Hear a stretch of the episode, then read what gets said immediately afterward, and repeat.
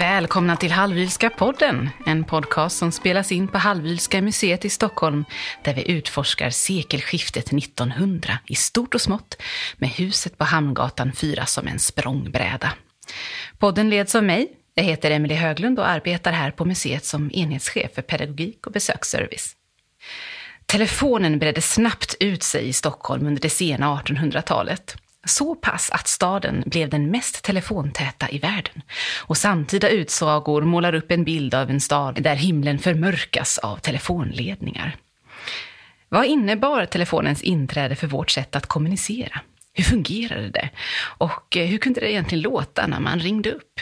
Detta och mycket mer ska vi lyfta i detta avsnitt. Med mig har jag intendent Samuel Norby här från museet. Välkommen! Tack! Och Anders Lindeberg Lindvet som gästar oss från Tekniska museet. Välkommen! Tackar, tackar!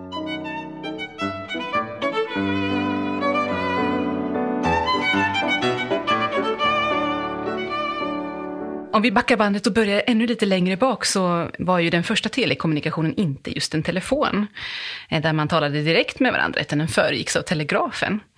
Och lite hör man ju i orden förstås telefon, telegraf, att där finns en skillnad. Men kan vi berätta superkort om eh, förhistorien där? Ja, telegrafen kom ju till Sverige 1853. Då startade Telegrafverket sin verksamhet. Det elektriska telegrafverket ska jag säga. Och eh, den första ledningen gick till Uppsala, men snart hade man börjat knyta ihop hela riket då i, eh, med telegrafstationer. Och det, en telegraf var då en, eh, en apparat. Man kunde då med hjälp av en tangent kunde man sända strömimpulser med hjälp av en, då en, eh, en skrivapparat som drevs av ett urverk och drog fram en pappersremsa så kunde man få ut de här strömimpulserna som punkter och streck, morsekod helt enkelt. Mm. Precis, och det, det, här är då något som man måste vara utbildad för att hantera och eh, sen telegram som man skickade kunde också då bäras ut till individen som ville ha, eh, som skulle få sitt meddelande. Och hur pass mycket mer effektiv blev kommunikationen med de här uppfinningarna? Hur betydelsefull var den så att säga? Ja, jag skulle säga att den revolutionerade vår syn på världen därför att eh, innan säg 1879 då hade vi inte gemensam tid i Sverige, då hade vi lokal tid. Så det berodde på lite när solen gick upp, när solen var högst på himlen, vad klockan var på orten. Så att de första telegrafstationerna då hade eh, Stockholmstid. Det vill säga att eh, stationen i eh, Enköping till exempel, den eh, öppnade fyra minuter innan den utsatta tiden egentligen därför att den öppnade Stockholmstid. Så det blir lite en konsekvens av det här i att om man skickar då ett eh, telegram, en, telegram meddelande från Stockholm till Göteborg så kommer det fram 20 minuter innan det är avsänt. ja, det måste ju varit verkligen en, en, någon form av Va? Hur kan det här gå till? På den tiden. Eh, man kan lägga till att tågen som ju då började eh, resa över landet också vid samma tid, 1856, är väl som SJ startar. Ehm, de gick efter Göteborgs tid. Så vi hade problemet att det fanns olika tider i Sverige. Telegraftiden gick efter Stockholms tid och tågen gick efter Göteborgs tid. Det låter lite lätt förvirrande bara nu när du säger det. Man får föreställa sig hur det var att leva i det också. Eh, hur lång tid kunde det ta eh, att dela ut meddelanden innan man fick telegrafen? Om man gör någon sorts jämförelse så man får en bild av snabbheten i mediet, tänker jag. Ja, jag, jag tror att telegrafen var ändå rätt rapp, ja, förutsatt att stationen var öppen då, för att det det var ju lite samma med telefonen i början också, att den var inte öppen dygnet runt.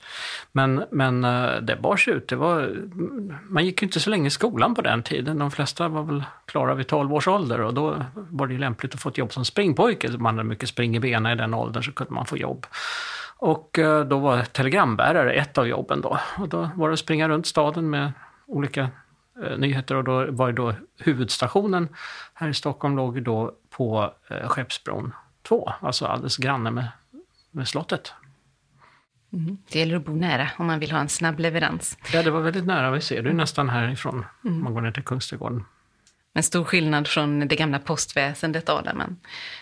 Och det måste varit någonting som varit ganska viktigt för den framväxande industrin, tänker jag på också. Möjligheten att ha snabb kontakt över långa avstånd. Ja, oh ja, oh ja. ja. Särskilt i det här huset tänker jag på det, för Ljusne hade ju alltså då eh, telegram, en telegrafstation redan på 1860-talet. Så då kunde man ju snabbt komma i kontakt med sin, med sin filialer, sina lokala kontor och sådär.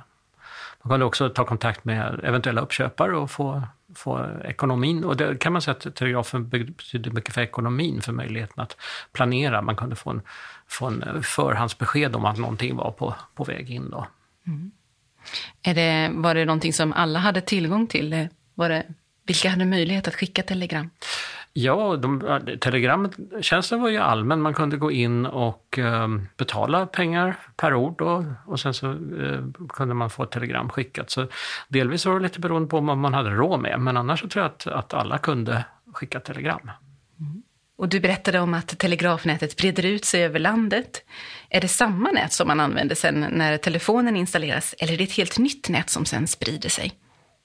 Ja, det är en intressant fråga. Därför att det som händer när telefonen kommer, och då spolar vi framåt lite från 1850-talet till 1870-talet då, att då visar sig telefonen upp över världen. Eh, det är inte riktigt så att eh, Bell har uppfunnit den, men jag kan säga att han är en av de som i alla fall bidragit till att den slog igenom då som uppfinning det var många gånger lokala initiativ. Först var telefonen inte så användbar över längre avstånd så det uppstod små lokala telefonföreningar på olika orter eller också var det ett företag som såg till att få mellan sina olika enheter. Här i Stockholm var ju en av de tidigaste var Gasverket. De hade ju sin eh, huvudkontor nere på stan men de hade också då själva gasverket som låg Ja, inte där det ligger idag utan det låg snarast bredvid centralstationen nuvarande. Eh, så det var en av de första, ett typiskt exempel. Ett annat exempel var, Evangeliska Fosterlandsstiftelsen som skaffade också telefon tidigt i Stockholm. Eh, och några till. Och det här hände redan på hösten 1877, men det är bara parvisa företeelser, så det finns ju ingen att ringa till egentligen. Så där, man kan inte välja. De satte ihop två och två helt ja, enkelt? de satte ihop två och två helt enkelt. Du kan ringa till en person med en telefon? Ja, man slapp åtminstone en liten springpojke för att springa med meddelanden. Det gäller att välja väl ja. vart den där enda linjen ska gå någonstans, antar jag. Du sa att eh, Bell var en av dem som hade bidragit. Det är ju lite av ett eh, trätoämne det där, vem som egentligen uppfann telefonen. Vad kan vi säga om det? Ja, ja det, det kan jag säga att egentligen så avgjordes frågan av, av amerikanska eh, kongressen genom att man kom fram till att eh, eh, den som skulle ha rätten till att ha uppfunnit den hette då eh, Mucci. Han var en, en utvandrare från Italien via Kuba till USA. Där hade han då experimenterat med det och han hade inte råd att ta patent och han blev sjuklig. Och han stämde faktiskt eh, Bell eh, när, han, när Bellbolaget hade fått patent där då, när Bell hade fått patent. Men i och med att han då var sjuklig och sen dog så, så förföll den, den stämningen då. Men sen 2002 så finns det alltså ett beslut om att han ska vara den som anses som uppfinnaren.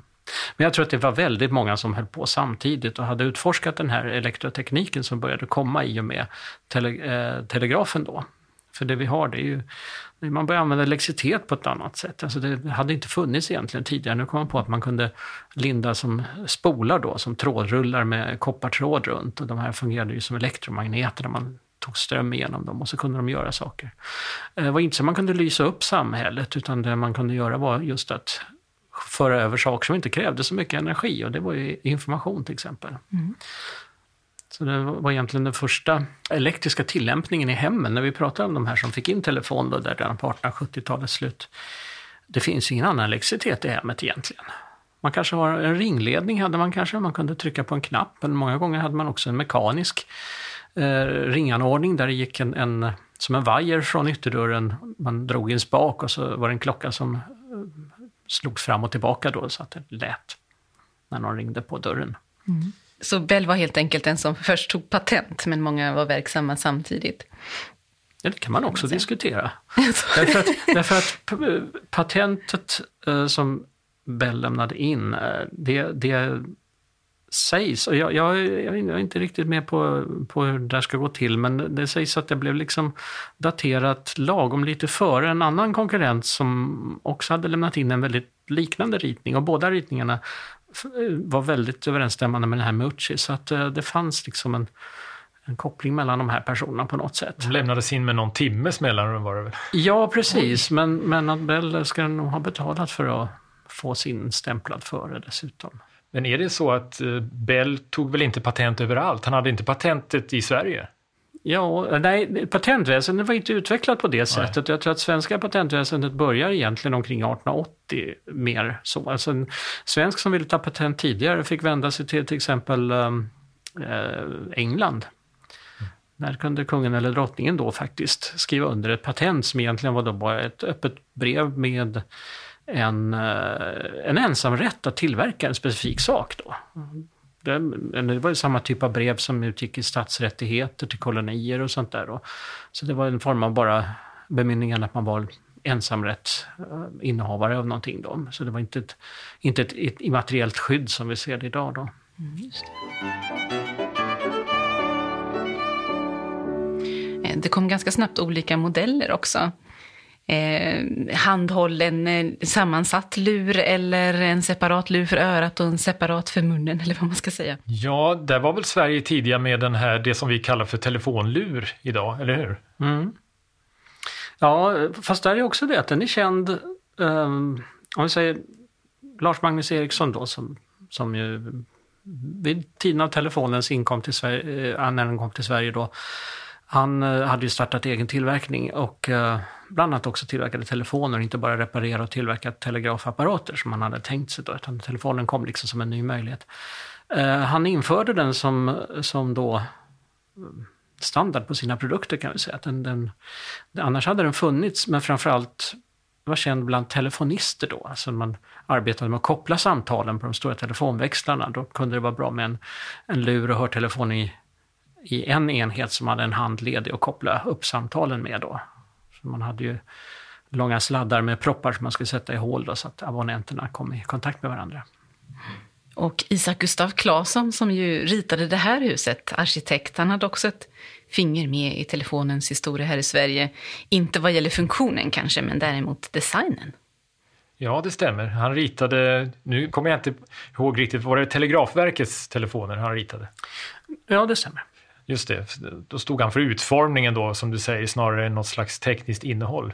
Men det var ju, arkitekterna på den tiden formgav ju ofta alla möjliga saker, inte bara fasader och byggnader. Så att, eh, ja, det är ett exempel på det. Vi kan ju säga att det var ju egentligen ett trendbrott där därför att eh, eh, de apparater som fanns annars, amerikanska apparater, var väl ganska illa designade skulle jag säga, de tidiga då. Det var bara tre olika tekniska enheter man satt på en planka. mikrofon i en och en batteri i en och sen en induktor i en, en då, som man kunde veva på. Då. Och så kunde man hänga luren på den då, hörtelefonen. Men eh, Ericsson de hade väldigt designade apparater och det, där ser man att de passar in väldigt väl i, i stilen vid tiden. Alltså det är den här typen av, man kan se väggklockor från den tiden, väggur. De har lite samma utsmyckade krusiduller och sådär. Så att det, där blev det lite mer design då. Eh, men sen Claesson, han gjorde sådana raka, enkla apparater här. Så att det var ju frågan om att egentligen bygga in hela tekniken i, i en låda. Det var inte riktigt det som var mer naket redovisat. Ni har en telefon på bordet som Ericsson eh, hade faktiskt med sitt firmaverke väldigt länge, kallas för Taxen och den har då väldigt naken konstruktion. Man kan egentligen hålla i den på ett visst sätt och så veva och få ström i sig. Det finns inget skydd liksom för tekniken. Man ser kugghjulen som går runt, man ser ringklockan och så. Så att eh, det Claesson gjorde var egentligen en revolution på det viset, att han byggde in dem med något som var stilmässigt en, en arkitektur. Just det, men det var vägghängda telefoner de där första? Ja, det var ju väldigt vanligt att man hade vägghängda telefoner. Det, det var ju lite för och nackdelar med det då. Alltså fördelen är väl att den, man visste var man hade den naturligtvis. Eh, telefonen var inte mobil på något sätt egentligen. Men sen då, när de inte hade telefonlur utan hade en fast mikrofon. Då var det ju rekommendation att man skulle ha den på lämplig höjd. Precis som vi talar i mikrofoner idag så måste vi då vara på lämpligt avstånd och det gällde ju även på den tiden särskilt. Och ska man prata tyst då måste man flytta sig mycket närmare telefonen så allt kom fram. Då. Mm. Men annars om man pratar med normal röst så ska man vara på en, ja, några centimeters avstånd från den. Så då gäller det att tänka till vem som ska använda den och vilken höjd man sätter den på menar du? Den satt ju såklart på höjden för männen. Ja. Så kvinnor fick ha en pall, barn fick definitivt ha en stol eller någonting att stå på. Det finns underbara vykort, julkort sådär. Barn som står vid en telefon just på en pall eller något sånt där för att nå upp. Mm. Mm. Jag vet att det kom ju då 1880-talets mitt där det här börjar bli mer och mer vanligt, en handbok, eller hur, för telefoni med instruktioner om bästa ställningen vid telefonering och sånt där. Så att, eh, ja, det, det, var ju nytt och folk behövde instrueras i bästa handhavande teknikerna. Ja, precis. Det finns ju den här talarpåsen. Ja, eh, det kommer nog från den där boken. Det här är kanske välbekant för sådana som har besökt Hallwylska museets dramavisningar. där talar vi om det här. Men jag tror det kommer från den här, vad hette han, Carl Anton Nyström gav ut boken 1885. Och det finns det illustrationer om bästa ställningen vid telefonering. Jag vet inte riktigt om begreppet talarpås faktiskt förekommer där, men det är det som vi har kallat det här. Eh, och det är en illustration av en man som lutar sig i en viss eh, pås då vid pulpettelefonen där så att det ska bli optimal mm, eh, telefonering. Mm. Man ska vara lite lätt framåtlutad så att rösten kommer fram bra. Två fingrar i avstånd till luren. Det är bra så att rösten hörs på ett lagom, lagom sätt. Och hur man skulle hålla luren också och luta sig mot pulpetmodellen som vi pratar om då. Så har man den ena handen fri att anteckna med. Ja. Sådana tips. Ja, just det. Eh, bra instruktioner för de tidiga telefonisterna, höll jag på att säga. Eller de som telefonerade i alla fall. Mm. Det var bra att du sa det också. För det var det man sa då, det var att man telefonerade. Ja. För det, det var... Eh, vad kallar vi ny företeelse när den kommer? Att telefonera var begreppet verkligen. Mm. Eh, men sen var det också telefonist som var det nya yrket då. Och eh, det var ju den som kopplade samman de här samtalen. Så just i Nyström, där står det ju också då hur man ska kommunicera med vederbörande. Att man först ska veva på sin telefon och vänta tills man får ett svar, stationen svarar. Och då får man tillkännage vem man vill tala med. Och då var det så ofta så var det att eh, det var större företag hade telefonnummer, då kunde man säga deras namn då, för då visste de vilken det var. Men annars måste man veta vilken station som det här eh, eh, om det var flera stationer, om orten man var på hade flera stationer så måste man veta vilken stationnumret hörde till och sen säga det nummer som man ville ha. Då. Mm. Och sen kunde telefonisten koppla upp det hela och sen kunde man eh, veva lite på sin telefon igen och så kunde då det ringa hemma hos den man ville prata med. Ja, man sa väl möjligen att det ringer när telefonen lät, men man sa inte att nu ska jag ringa herr Pettersson. Nej, det kom ju senare då, ja. När i tid börjar man använda sådana uttryck? Vet vi det? Jag vet inte riktigt. Det måste vara en bit in på 1900-talet. Mm. Ja, det var det nog. Att, att, ringa, det var någonting man gjorde till helgsmålet. Ja, just det. Ja, just det. I kyrkan. Ja. Eh, hur gick det egentligen till när telefonen introducerades i, i Sverige, om vi backar bandet lite grann? Det var en, en, demonstration i Stockholm där man visade fram den nya tekniken. Ja, just det. Det, det var, det var just Bellbolaget som visade upp den världen runt och det kom alltså en förbi Sverige då och visade hur fiffigt det var att man kunde använda den eh, och kommunicera över avstånd. Jag tror det var mellan just Kungliga slottet och eh, Grand Hotel som man hade då demonstrationen. Och det är ju praktiskt verkligen att visa att det går att gå över vattenlånga avstånd med hjälp av den här tekniken. Men det ledde ju inte egentligen till att det här bolaget etablerade i Sverige med samma, utan det ledde till att väldigt många blev intresserade och det var många affärer som började sälja sådana här, liksom lite för hobbyändamål. Det var väldigt enkla apparater. Det var som en, en um, hölje svarvat i gran till exempel. Um, I den fanns det en stavmagnet som var, hade då en eh, en eh, spole lindad kring sig och så fanns det ett metallmembran och när då den här membranet eh, påverkade magnetismen i, i eh, magneten så bildades det ström i ledningen. Så det var de man köpte och hade parvis då. Och det gick ju väldigt fort faktiskt. Numa Pettersson var en av affärerna som man kunde gå till här i Stockholm och handla och där köptes många och startade sin eh, bana då, men de blev snabbt omoderna. Hur snabbt blir det här någonting som användes i det privata livet? Jag tänkte på de exemplen som du nämnde, då var det ju företag och församlingar och så. Ja. Men när kommer privattelefonin? Ja, eh, jo, men jag tror att den, den, kan finnas hela tiden, men det beror ju på eh, egentligen vad man har för råd. Och eh, det som dyker upp, om vi nu ska ta Stockholm just då som exempel, eh, så hittar jag någonstans i tidningarna omkring 1886 telefonkiosk. Men det är inte vad vi har sett som telefonkiosk. Nu är den utdöd sedan 2015 då när, när eh, man slutade med dem. Men ehm, um, 1880-talet där, då var det alltså ungefär som en tidningskiosk. Man kunde gå dit och så kunde man be att få ringa ett samtal mot betalning. Men man kunde också prenumerera här i den kiosken på att om någon sökte en så kunde de skicka en springpojke hem till en och hämta en så kunde man få sitt samtal där. Och det fanns en sån och den var ju då på Munkbron. Mm. Mitt emot Riddarholmen. Vad spännande.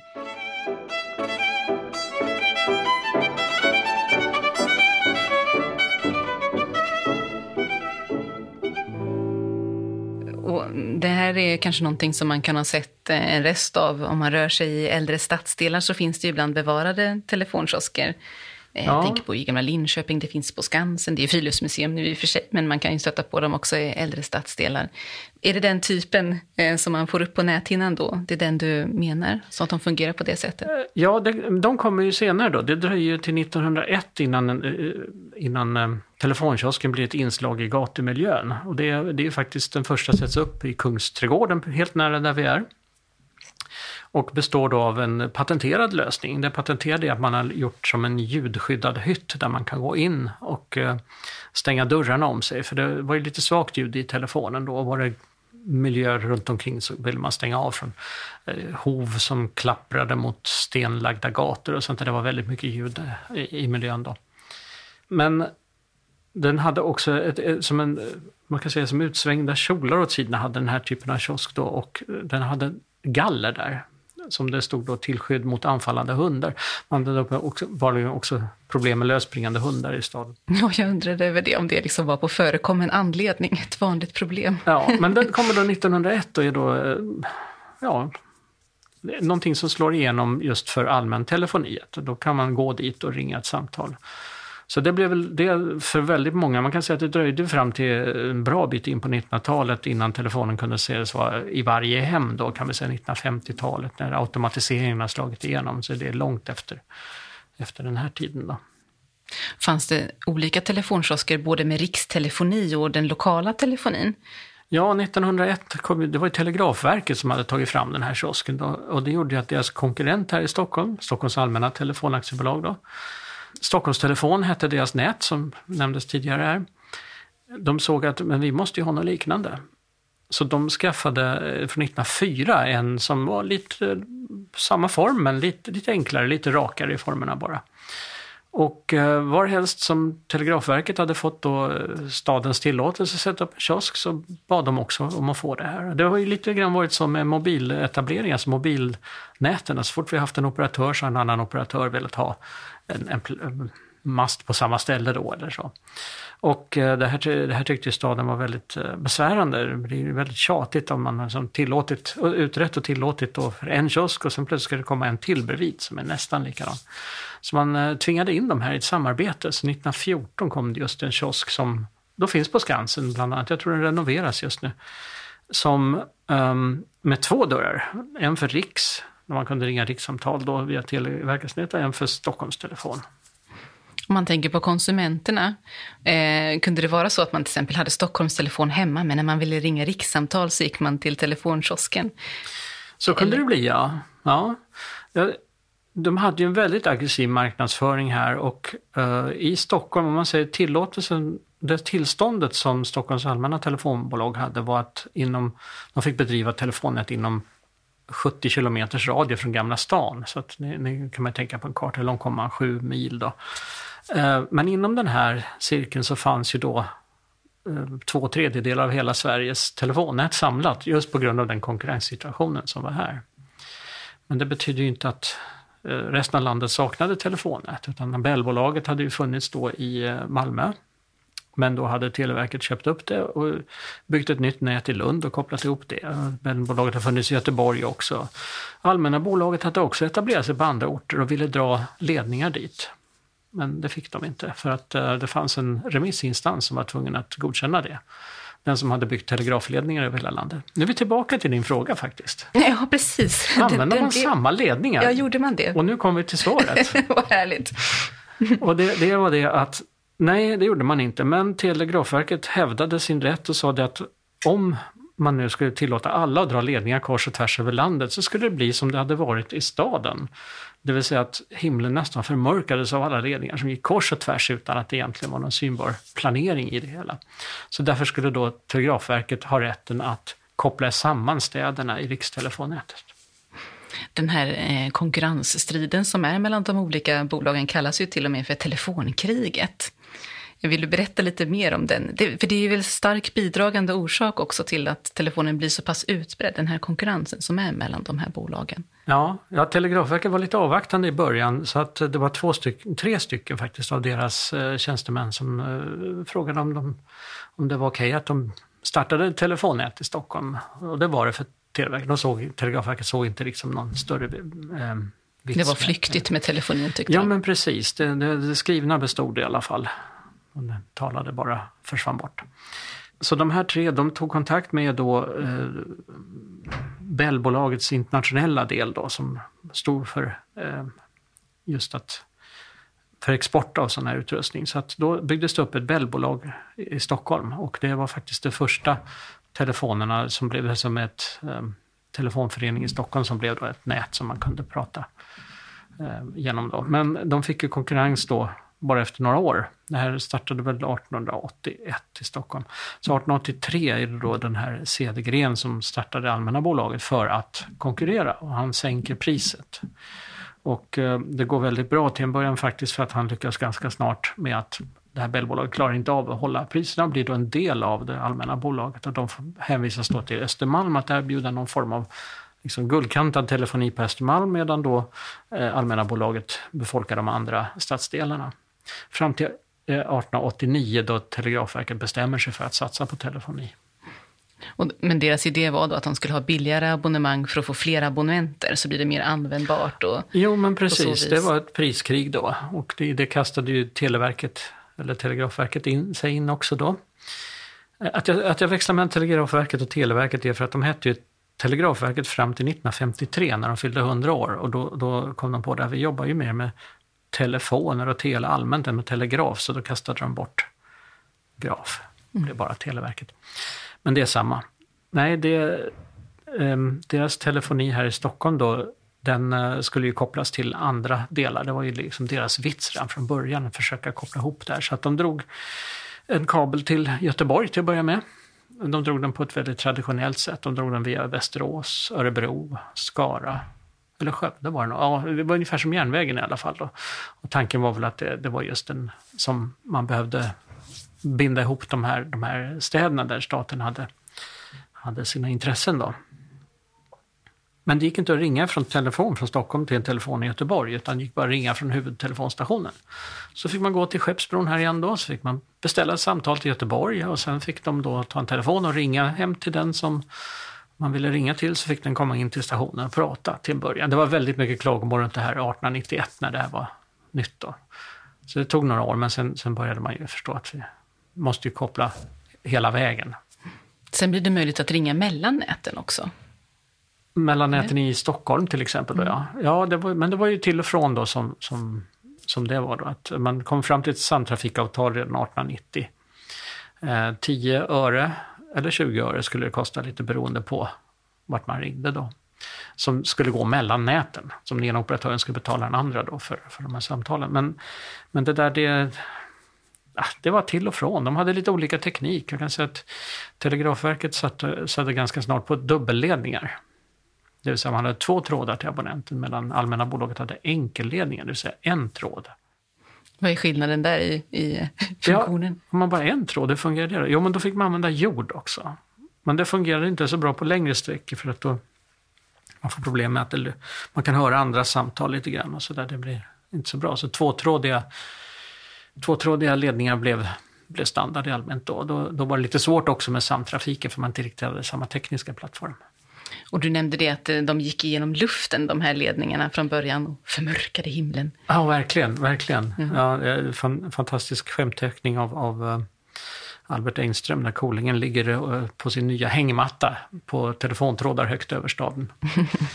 eh, jo, men det var väl så att man tog i anspråk då luftutrymmet som inte var så använt det så mycket då och så satte man upp de här ställningarna som vi kallar för telefongalgar då på taknockar. Och, och ju närmare då huvudstationen vi kom desto tätare och större blev de här då med väldigt mycket ledningar på. Och centralstationen um, som Allmänna bolaget byggde 1887 då, det, det var plats för 10 000 abonnenter. Och då byggde man ett stort torn över det som skulle då kunna ta emot alla de här ledningarna. Och det här tornet väckte en del förargelse bland eh, Stockholmsborna. Det var för fult. Ja, det ansågs väl ganska fult. Det var ju en gjutjärnskonstruktion, va? ungefär som Eiffeltornet fast två år tidigare. Då. Och eh, om jag inte tar fel så piffade man till det lite efter ett par år med lite hörntoreller och så, så det skulle bli mer estetiskt tilltalande. Men det var ju en anslående eh, sak i Stockholms silhuetter naturligtvis. En symbol för det här nya moderna också med telefonen. Och så alla dessa trådar som strömmade ut, strålade ut från eh, hjärtat i hela telefonin var ju den här centralstationen och trådarna gick ut. Och det var ju problem med att det, som flera faktiskt påpekar, nästan skymde solen. Också problem med isbildning och sånt på vintern, det kunde falla istappar från de här. Så det var ju lite förargelseväckande. Och det var ju fler eh, över hustaken då i stan sattes ju sådana här telefongalgar som de här trådarna vilade på. Och så. Och man behövde tillstånd från husägarna att fästa de här och så vidare. Så det var ju lite eh, bökigt naturligtvis innan det lades under mark senare då. Det var ju en stor olycka vintern 1896 också. När det kom för mycket snö på de här ledningarna, att de blev så pass tunga så att mm. en del tak slets upp. Ja, det, var, det var ju en kraftig storm och det, det var inte bara kanske Eh, så att det la sig snö på ledningen utan det bildades is, alltså det var en blöt snö. Så att det, en, ehm, det blev för tungt och det som hände var att eh, de här ställningarna föll omkull och rev av taken då som om de var konservburkar. Och det var inte alls populärt naturligtvis bland husägarna men de här teleoperatörerna fick ju stå för det naturligtvis och rätta till det. Men det var ändå ett övergående problem det här. För att under 1890-talet så kommer både Allmänna bolaget och Telegrafverket fram till att man ska ju lägga det här under gatorna istället. Så från att ha gått och beklagat sig över hur himlen var förmörkad av teleledningar så kunde man nu irritera sig över varenda gata i Stockholm som var uppgrävd för att lägga ner då de här betongblocken. Betong var ju en ny teknik också då vid den tiden, men då hade man eh, en på Televerket då tagit patent på just betongblock med kanaler igenom och la man många sådana i en rad så kunde man då trä igenom telefon kablar till mellan stationerna då. Och de ligger fortfarande kvar under många av våra gator. De gör det. Med optofiber i idag. Mm. Multifunktionellt. Ja, verkligen. en välvärd satsning då att gräva upp den där gången. När eh, Stockholms allmänna telefonaktiebolag gav ut sin första telefonförteckning 1884 så var den ganska tunn. Eh, men där fanns eh, både Wilhelm Kempe och, och Walter von Hallwyl med, men Walter hade inget nummer. Hur kan det komma sig? Ja, jag vet inte. Jag har sett eh, en förteckning från Bell-aktiebolaget som är 1883. Där har jag sett Wilhelm Kempe med nummer 22, men inte Walter von Hallwyl. De hade ju nätt och jämnt flyttat till Stockholm då. Eh, och senare har ju jag har faktiskt inte sett några telefonförteckningar med eh, Hallwyls ifrån 1880-talet. Det är ju senare i det här huset som vi men han figurerar ju att de beställde telefonledning till Erikslund, deras ställe i Sörmland. Men vi kan inte se att det någonsin blev något nummer dit, så att det var liksom tänkt att de skulle ha telefon. Men jag vet inte riktigt hur det blev med den saken. Mm. Vill du spela in där? Det kunde tyda på att man hade beställt en telefon, men inte installerat den. Ja, det var ju, det var ju en väldigt snabb utveckling här. Det var så otroligt mycket abonnenttillströmning, så att eh, man kan väl säga att i dagstidningarna så publiceras det helsidor med komplement till telefonkatalogerna under den här perioden. För det, var, det kom liksom tusentals abonnenter hela tiden till båda näten. Och en del av det här telekriget faktiskt också manifesterades på det viset. Och eh, ja, det, det är svårt idag att veta naturligtvis varför det inte blev som det blev, men, men eh, om de fick någon telefon där eller inte. Men det kan ju vara så att de, som sagt att det var beställt men att det inte blev det vid den tidpunkten. Då. De måste ha haft det vid Blasieholmstorg där de bodde från 1883-84 fram till i princip dess att detta hus på Hamngatan byggdes då. Eh, det bör de ha haft, men jag har inte kunnat eh, gräva djupt i telefonförteckningarna från 80-talet därför att kunna konstatera det, men jag förmodar, antar att de hade det. Mm. Ett rimligt antagande kanske. Hur funkar det med telefonnumren undrade jag, om Wilhelm Kempe hade nummer 22.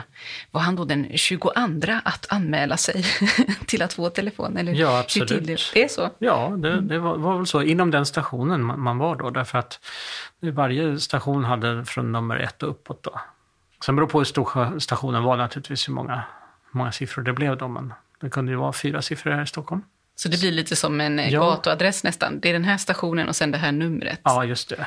Eh, så man, Östermalm man... 22 är liksom väldigt eh, väl geografiskt avgränsat då, medan då det här hade varit eh, norr.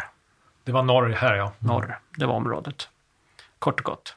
Norr 22 skulle man ringa om man skulle prata med Wilhelm Kemper. Då. Ja, Men kanske det. Det var lite fler, lite fler nummer i eh, telefonnumret hit till huset i alla fall. Ja, det var det ju. De skaffade ju naturligtvis telefon direkt när huset byggdes här. De skulle ju ha allt av det senaste med hissar och så vidare. Och det var kontorslokalerna som fick telefon först, för eh, kontorsrummen beboddes ju så att säga lite innan paret Hallwyl flyttade in i bostadsdelen. Så någon gång 1896 där så installerades, eh, det var två telefoner, det var Stockholms allmänna telefon eh, och eh, rikstelefon. Och den Norr 992, 492. Norr 492 var numret på Stockholmstelefonen här. Och så hade de 2166 på eh, rikstelefonen.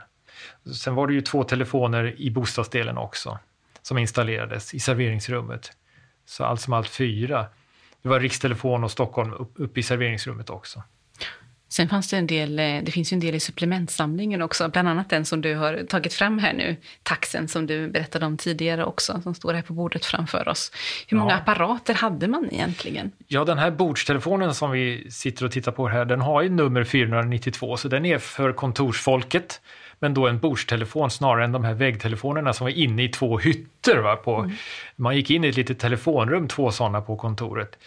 Eh, men de kanske märkte snart att det var bra med en bordstelefon också. För att, eh, men annars var det ju nästan lite rituellt då att gå in i den där hytten och telefonera. Och det, man störde ju inte andra heller kanske då med sitt prat. Men bordstelefoner kom, eh, vi har några stycken i huset också. Mm. Och kontorets abonnemang, det var ett så kallat stjärnabonnemang. Vad innebär det? Ja, här, här var det inte så eh, kritiskt med stjärnabonnemang, men jag kan säga att det var, det var ju, det liknar lite grann mobiltelefonin också, hur den har utvecklats där. Eh, var det så att man kunde, inte hade så gott om pengar, då kunde man ta ett eh, flat rate abonnemang där man betalade per samtal. Och då eh, helt enkelt ringer man så mycket man hade råd med. Var man stjärnabonnent, då hade man lite för extra förmåner. Man hade gratis samtal, lite högre avgifter, men man kunde ringa hur mycket man ville. Men man var också garanterad av att vara ansluten till eh, Allmänna bolagets centralstation. Och det var inom sjumilsradien då, så det var ju väldigt kanske intressant om man då satt en bit utanför Stockholm och var direkt ansluten till centralstationen vid Brunkebergstorg. På vilket sätt eh, underlättar det att vara direktansluten just dit i jämförelse med de andra? Ja, annars hade man ju varit tvungen att ringa till en understation då och eh, passera flera telefonister och det hade varit mycket krångligare att liksom komma fram och skriva ut telefonnumret i, i annonsering och sånt. För det var många som gjorde det här vid den här tiden ändå. Ja, ja, så att när man, när man ringer upp och man ska ringa till någon så kopplas man till nästa station och sen kopplar den stationen en vidare. Ja, just det. Så det blev en kedja av, av uppkopplingar då. Ju längre bort från, från eh, centralstationen man var, desto fler var det. Så att då var det ju bra att man hade direktkontakt. Då var det, då var det lättare att komma i kontakt med varandra. Hur pass vanligt var det att man hade både Stockholmstelefon och rikstelefon i ett privat hem på det här sättet? Jag tror att ett privat hem, det var nog inte det vanliga då, utan det handlade om affärsverksamheter, att man behövde liksom vara nåbar för alla typer av kunder då. Så att jag tror att om man var i ett hem så hade man nog valt den ena eller andra. Om, om, de, de hem som hade då till att börja med. Alltså även om Stockholm då var telefontätast på 1890-talet, tätast i världen, så var det ändå inte allmänt i hemmen. Det fanns ju väldigt många hem som inte hade, de hade väldigt många familjer men få telefoner i hemmen helt enkelt. Det kunde finnas villkor i de här avtalen också att eh, man kunde ha eh, fritt användande till mängd samtal, men man fick inte låna ut den till någon annan. Ja, det stämmer. Det, hade väl, eh, det här huset hade väl ett sånt abonnemang. Så det var fritt antal samtal, men man fick inte låta andra ringa gratis på den då. Ja, intressant. Ja, det är lite spännande. Då får man ana att det kanske var ett, eh, ett visst problem för telefonnäten, att, att man använde telefonerna på det sättet, eller? Ja, eller att man kanske sålde kapaciteten vidare. Att man tog betalt av andra för att, för att eh, få ihop till telefonräkningen.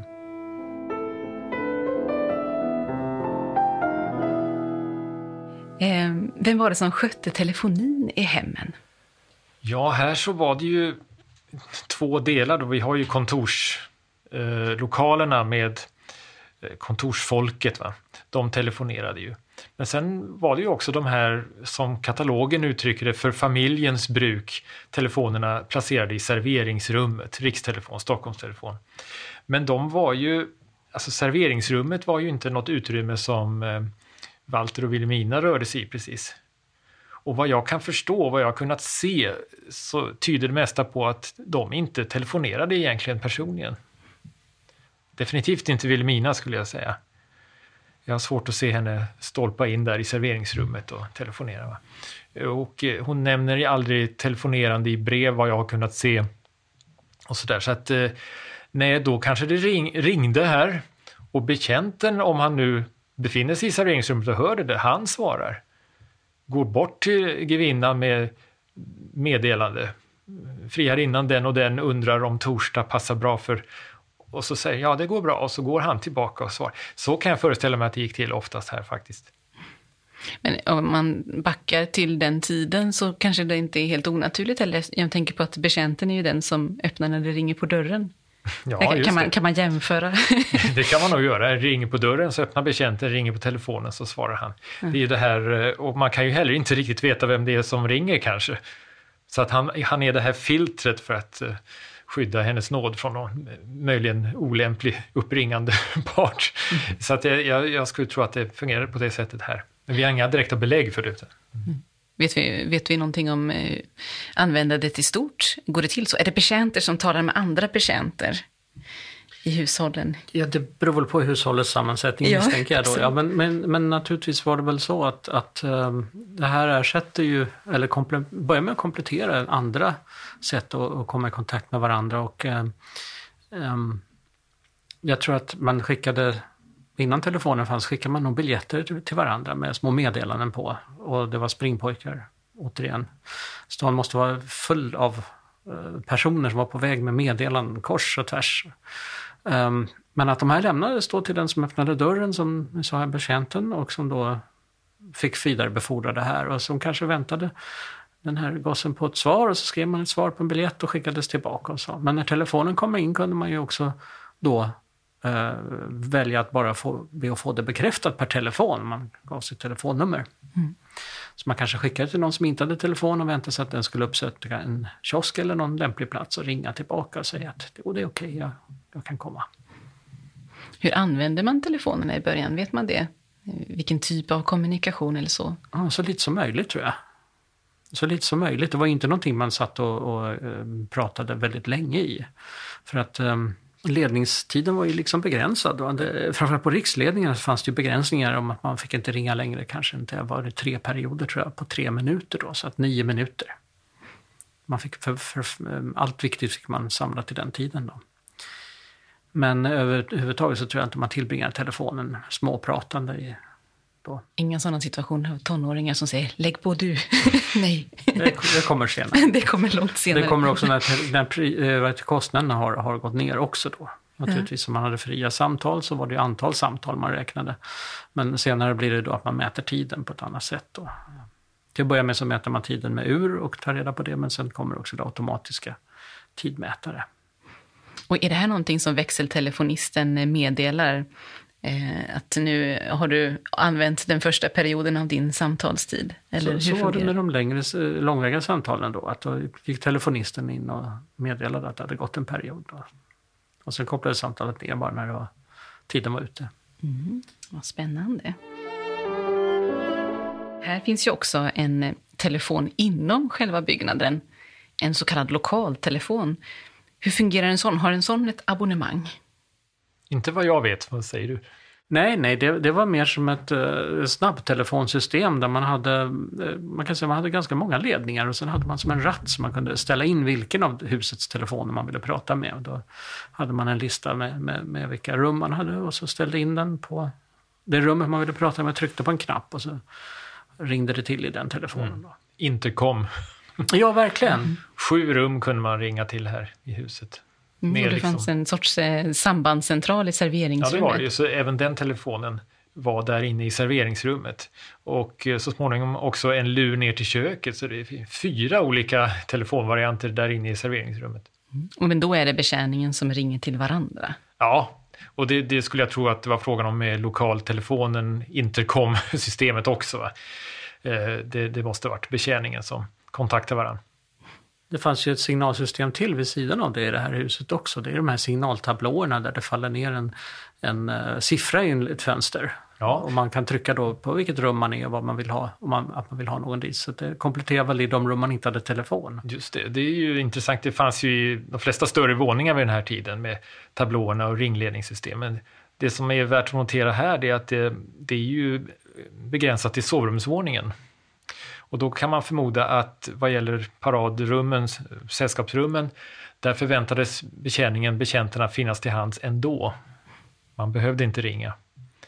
Men uppe i sovrumsvåningen så då, ja, för dags för husan att hjälpa till i gästrummen eller sådär. Kammarjungfrun ska komma till sängkammaren. Då, då ringde man. Mm. Då kan man tillkalla hjälp. Du berättade för mig förut Samuel också att det finns en sorts telefon som tidigare har varit i serveringsrummet men som inte är kvar nu. En så kallad autotelefon. Ja, med fingerskiva eller snurrskiva som kom på 20-talet. Det installerade man här då 1929, kom det året innan grevinnans död och monterades i serveringsrummet då ovanför den här gamla pulpetmodellen. Men den togs bort senare, eh, vilket kanske är lite synd. Den ansågs väl inte tillräckligt museal eller så. Men vi ser på foton att ovanför 1800-talstelefonen sitter den här 20-tals eh, telefonen med sin fingerskiva. Ja, nu, nu bara för att du nämnde den här 1800-talstelefonen, pulpetmodellen, eh, så väcks frågan i mig, när, när eh, gick näten samman så att man fick ett sammanhållande nät för hela riket? Du kan ringa överallt och man kommer hela bort från riket, det. Det är en väldigt utdragen process. Eh, vi kan ju säga att Televerket började då köpa in de lokala näten från slutet på 1880-talet och det fick de godkännande att använda. Och det kan vi säga att det här är en infrastruktur som har byggts upp genom eh, genom abonnentavgifter. Då. Det har inte varit skattemedel som har gått till att bygga upp det här då, som eh, motorvägar och sånt, utan infrastrukturen har byggts upp genom sina egna intäkter alltid. Och eh, man började köpa in små nät och koppla samman. Man tog över abonnenterna. Ofta hade de ju haft en lösning så att de fick ringa eh, sen gratis inom sitt eget nät. Men ringde man på rikstelefon fick man då betala för rikssamtal. Och eh, ja, men vi kan backa lite grann också och säga det att naturligtvis så hade ju då allmänna bolaget gärna dragit ledningar uppåt landet för de hade ju då telefonnät i, ja, var det Hudiksvall tror jag, till exempel. Och det hade varit aktuellt kanske för, för att kunna kommunicera inom det här företaget som fanns här i huset då. Alltså menar du att samma bolag hade olika lokala nät? Ja, så bolagen hade också lokala nät, ja. Precis. Cedergrens bolag hade också nät i, på andra sidan havet i Baltikum. Och i Ryssland framförallt. Men eh, Riks, Rikstelefon köpte ju då upp de lokala näten och anslöt dem eh, ett efter ett. Då. Men i Stockholm så blev det då att Stockholms Telefon fanns parallellt fram till 1918. Eh, och det har att göra faktiskt med ryska revolutionen då, eh, där då de här Stockholms allmänna telefonaktiebolag då förlorar mycket tillgångar de har investerat i, i Ryssland i samband med detta. Och därmed så säljer de sitt nät till Telegrafverket. Det blir det i stort sett sen hela Sverige ett och samma telefonnät. Men det fortsätter ända in på 1930-talet innan de sista privata näten har köpts in. Östhammar tror jag var väl ett av de sista. Hur fungerar det med internationella telefonsamtal då? Jag är lite osäker på när de började komma till stånd då, men det, det vi talar om är att man måste ju överbrygga ofta vatten då, så att det har väl varit ett problem. Men, men eh, Norge var ju lättare att komma över till då. Eh, så att det fungerade väl jättebra. Det var väl bara det att få tag på ledningar som kunde um, överföra samtalen så långa sträckor. För ju längre sträckor det var desto mer förlorade man ju signalstyrkan på ledningarna.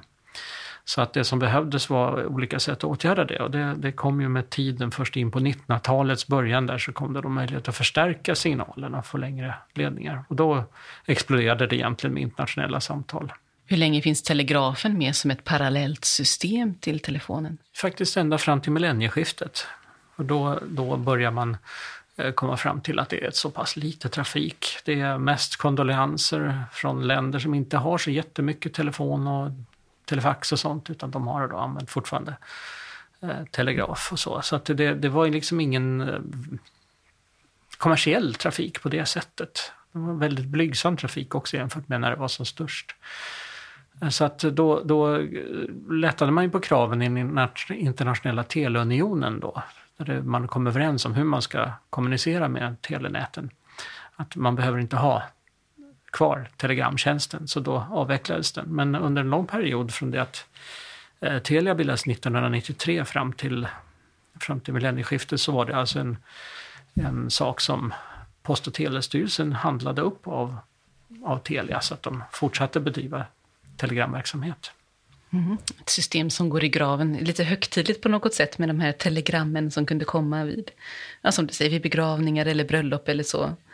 Ja. Någon skickar. Men det är inte längre möjligt på det sättet. Det finns ju andra system förstås. Ja, det finns ju det. Nej, det var ju det här med att man, man fick ju också en typ av uh, lyxtelegram som det hette, som var då väldigt uh, konstnärligt utsmyckade då. Det var konstnärer som bjöds in för att göra uh, motivet och högst upp då på brevhuvudet på det här telegrammet så var det någonting trevligt målat. Då.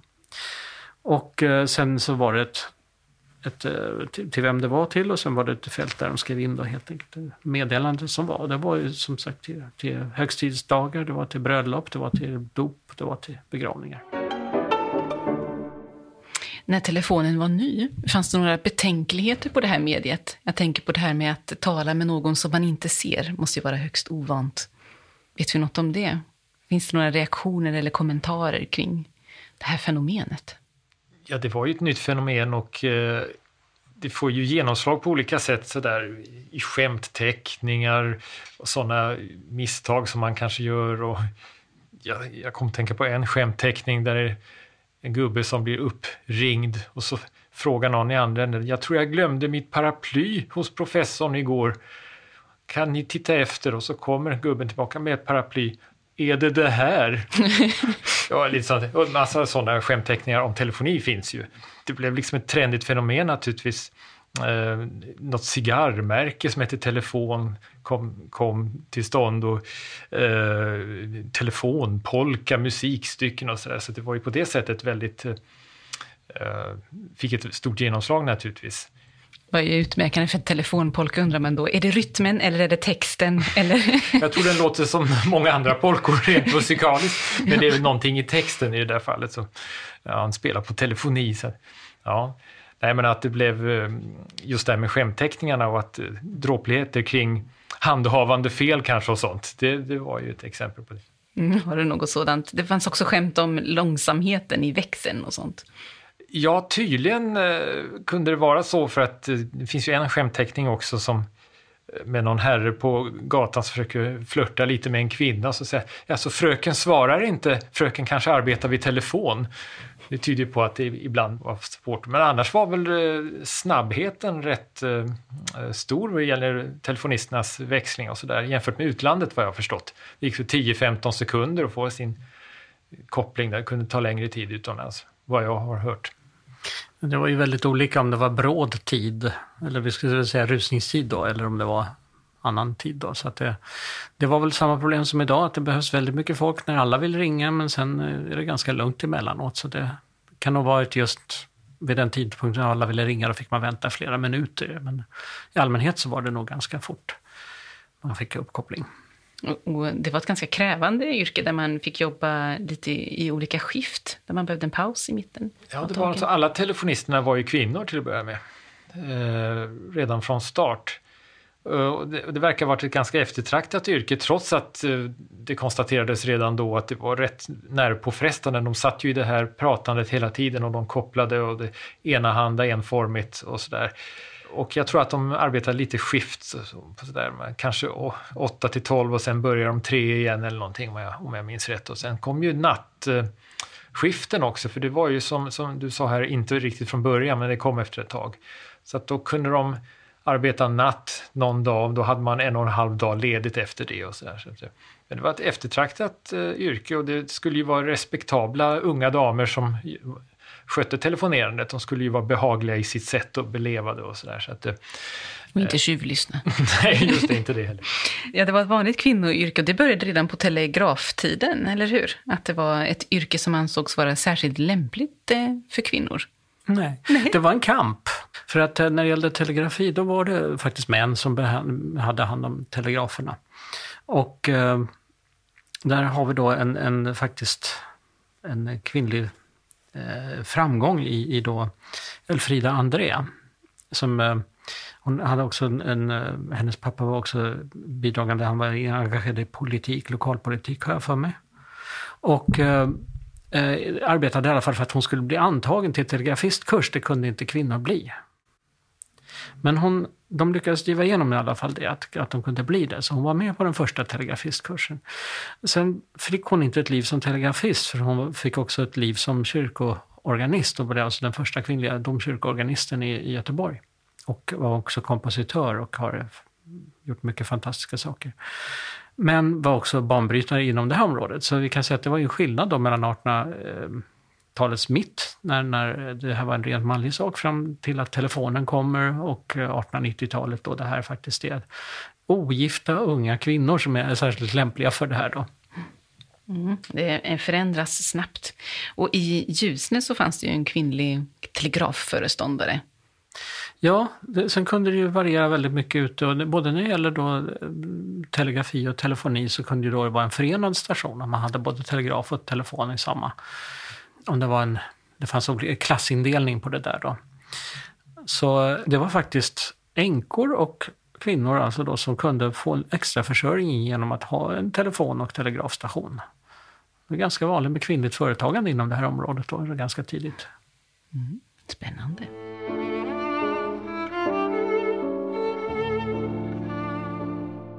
fanns det någon vett och etikett kopplat till det här med att telefonera? Jag läste en krönika nu nyligen att det tydligen är en ny eh, outtalad etikettsregel att man inte ska ringa utan att det är väntat numera. Utan man måste skicka ett sms först. Så att, annars kan man inte räkna med att någon svarar för att man vill inte svara i telefon. utan att veta vem man talar ja, med. Det är obehagligt när det ringer så det tycker jag är bra. men hur såg det ut eh, när mediet var nytt? Fanns det någon några sådana eh, regler kring när man fick telefonera eller på vilket sätt? Det vi nämnde Nyström här, jag tror att det var väldigt stilbildande där. Eh, den här ah, hand, handbok i telefoni heter den ja. Att den, den satte väldigt mycket de reglerna för hur man skulle hantera det hela. Att man skulle säga hallå. Och att man skulle telefonera. Man skulle inte ringa, det kom ju senare då. Eh, men, men just de här hur man skulle stå och allting sånt där, det var ju, var ju ny, nytt men eh, i Sverige tror jag det gick ganska lätt ändå, men i andra länder så vet jag att man hade, ja, mer konservativa länder så hade man den tanken att ja, eh, vi kan ringa ett samtal, vi kan komma överens om att eh, ni är inbjuden till te, men vi måste bekräfta det med en biljett också. Mm. Man måste skicka ett, ett skriftlig bekräftelse på det här. Och det, det är lustigt för det återkopplar på det ni just pratade om, alltså att nu svarar vi inte om inte någon första messat att man ska ringa. Mig, för mig, mig, får det att tänka på det här med visitkort, att man lämnar sitt visitkort innan, innan man blir bjuden på... Det finns ett avsnitt av det också man kan lyssna på. Vett och etikett kring middagsinbjudningar, visitkortens dolda språk. Eh, om man vill fördjupa sig i det. Det känns som en liten återkomst på något vis. Men det var nog alltid etikettbryderier när ny teknik kom. Jag har ju i andra sammanhang talat om det här med hissarna. Där var det ju i början lite tveksamt om man skulle betrakta det som inomhus, ett litet rum och herrarna då ska ta av sig hatten i hissen när de åker eller inte och sådana där saker. Så det, det, är nog, det var nog alltid så när något nytt tekniskt fenomen fick sociala konsekvenser. Hur såg det ut med förväntan att svara i telefon då? Tänker jag på till exempel om man hade gäster, ska man svara i telefon då? Fanns det några sådana eh, regler? Jag vet inte. Men det, det, kan nog vara ungefär som idag. Är det inte irriterande om någon börjar ägna sig åt ett telefonsamtal när man är i någon form av bjudning? Jag vet inte. Jag blev påmind om en gammal rolig historia. Och det var, man skulle ha en bjudning, alla, hela, hela byn skulle vara där. Men pastorn också. Och så blev hus, husan då blev, blev instruerad att gå, efter ett tag så skulle hon gå runt och säga till gästerna att de hade fått telefon så att de skulle gå iväg, för då skulle de få en liten sup nämligen, så att pastorn inte fick veta det. så när det var dags så gick hon ut och ropade ut högt till alla, det är telefon till alla utom pastorn. ja, så det fanns ju i humorn också. Ja. En teknik som kan användas eh, på många sätt. Med lite kreativitet. Jag tror att vi får runda av avsnittet. Om inte ni har någonting mer som ni vill inflika nu innan... Nej? Nej, men det är skicka sms innan ni ringer mig. Okej. Då säger jag tack så mycket för att ni kom hit och delade mer av allt ert kunnande inom det här området. Och eh, tack också alla ni som har lyssnat till oss.